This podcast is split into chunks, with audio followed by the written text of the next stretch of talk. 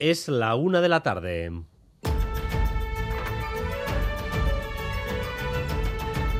Crónica de Euskadi con Dani Álvarez.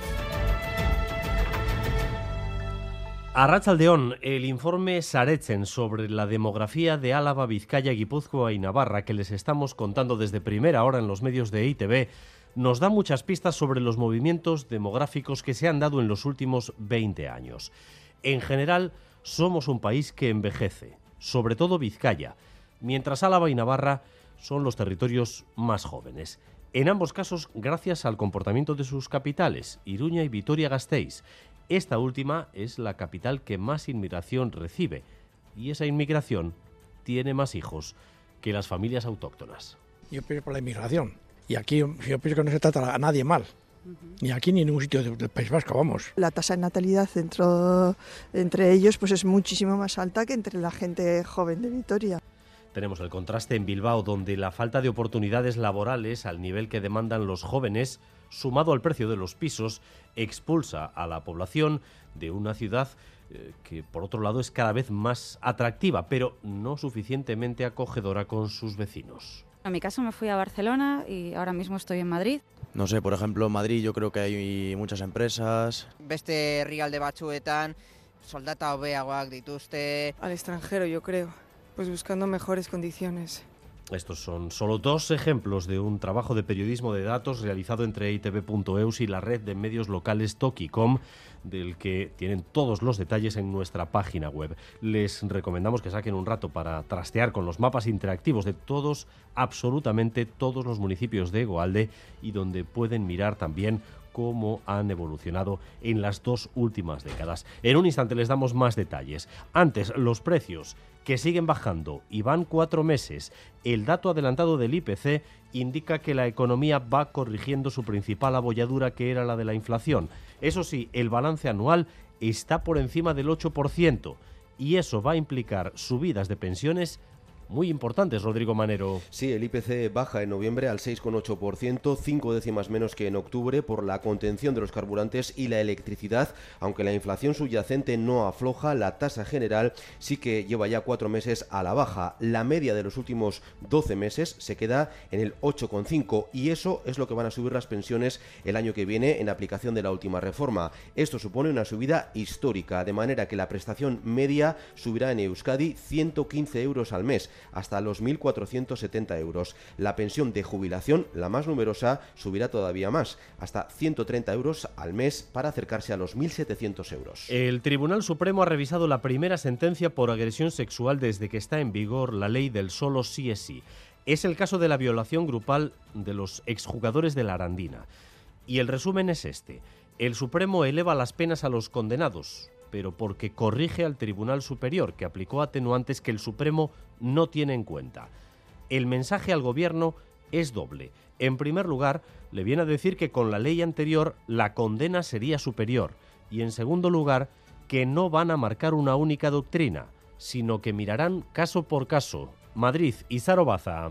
Eso es, el Supremo ha elevado a nueve años de prisión las penas de tres y cuatro años de los dos exjugadores de la Arandina, aplicando la ley del solo sí es sí. Sin embargo, el alto tribunal avisa la nueva norma es más beneficiosa, más laxa. En otras palabras, con el antiguo Código Penal, las penas hubieran sido más altas, en este caso de diez años. El Gobierno quería esperar a que el Supremo estableciera doctrina para decidir si cambia la ley, pero el alto tribunal hoy ha estudiado por primera vez un recurso teniendo en cuenta la nueva ley y, lejos de unificar criterio, explica que habrá que estudiar cada caso uno por uno. Tras este giro de los acontecimientos, ahora el Gobierno tendrá que determinar si finalmente cambia la ley. Mañana hay una huelga en contra de la nueva ley de educación vasca. La convocan los sindicatos Estela, SELA y LAB, pero solo en la pública. En la concertada, estos mismos sindicatos no hacen huelga. En la previa, LAB se ha reunido con Euskal Herria Bildu, que a su vez es uno de los puntales del acuerdo educativo. Y el mensaje, en una comparecencia conjunta, es que van a hacer todo lo que puedan por lograr una buena ley. Asko dago jokoan, eta ezker independentistak bere honen amango du herri honen eraikuntzarako lehen mailako garrantzia duen erronka honetan. Eta uste dugu Euskal Herria bezalako herri zapaldu batean, gai izan behar dugula, hezkuntza sistema publiko burujabearen norabidean, akordioak erdietxi eta urratsak emateko. Y en la sanidad, los sindicatos convocan protestas en defensa del hospital de Basurto. Convocan una manifestación porque creen que la jueza que paralizó el traslado de cirugía cardíaca les da la razón hay riesgo de privatización. Natalia Serrano. Privatizar es rebajar la calidad de la asistencia a los pacientes, repiten SATSE, ELA, Lab, Comisiones y UGT. El cierre de la cirugía cardíaca de Basurto lo que busca es eso, dicen, privatizar y está recogido en el auto de la jueza. Ni en Álava ni en Guipúzcoa hay cirugía cardíaca en los hospitales de Osakidecha. Se subcontratan esas operaciones a clínicas privadas. Dicen que en Vizcaya Ocurrirá lo mismo si desaparece uno de los dos servicios que hay actualmente en el territorio. Tenía que pasar y pasó. En Qatar se coló ayer un espontáneo en medio del partido Portugal-Uruguay. el Superman con bandera arcoíris, cuya imagen ha dado la vuelta al mundo, ha sido puesto en libertad y contra él no han adoptado ninguna medida. Xavier Madariaga tiene más detalles. Xavier. Esta mañana todos queríamos saber qué será del espontáneo asalta campos que ayer apareció bandera del arco iris en mano en medio del césped. La primera en decir que lo habían dejado libre ha sido la agencia France Press desde Doha. Lo ha confirmado después el ministro de Exteriores italiano. Y hace nada hemos podido escuchar al propio Mario Ferri, que así se llama el espontáneo, en los micrófonos de RACU. Estoy libero, Infantino es venuto da me per ayudarme. Está libre desde esta pasada madrugada. Contra él no se han adoptado medidas y de que esté bien se ha encargado el propio Infantino, el presidente de la FIFA. Enseguida conocemos más sobre este personaje, viejo conocido de los comentaristas de fútbol. Plateruena de Durango volverá a abrir sus puertas esta Navidad, precisamente cuando se cumplen dos años de su cierre.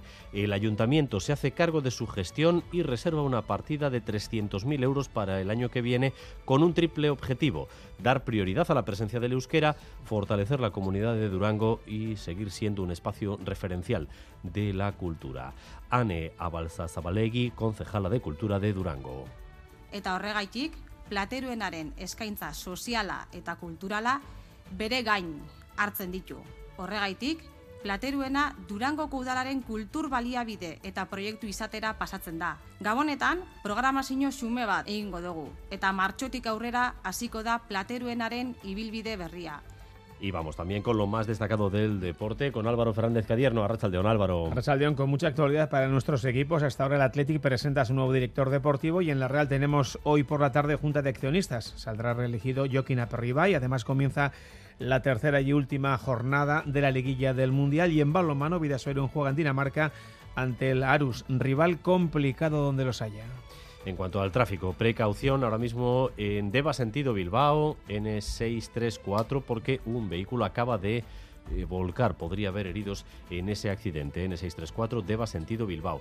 También en Las Artes sentido Gasteiz, en la N1, todavía no se ha podido retirar el tráiler que ha hecho la tijera a primera hora de la mañana.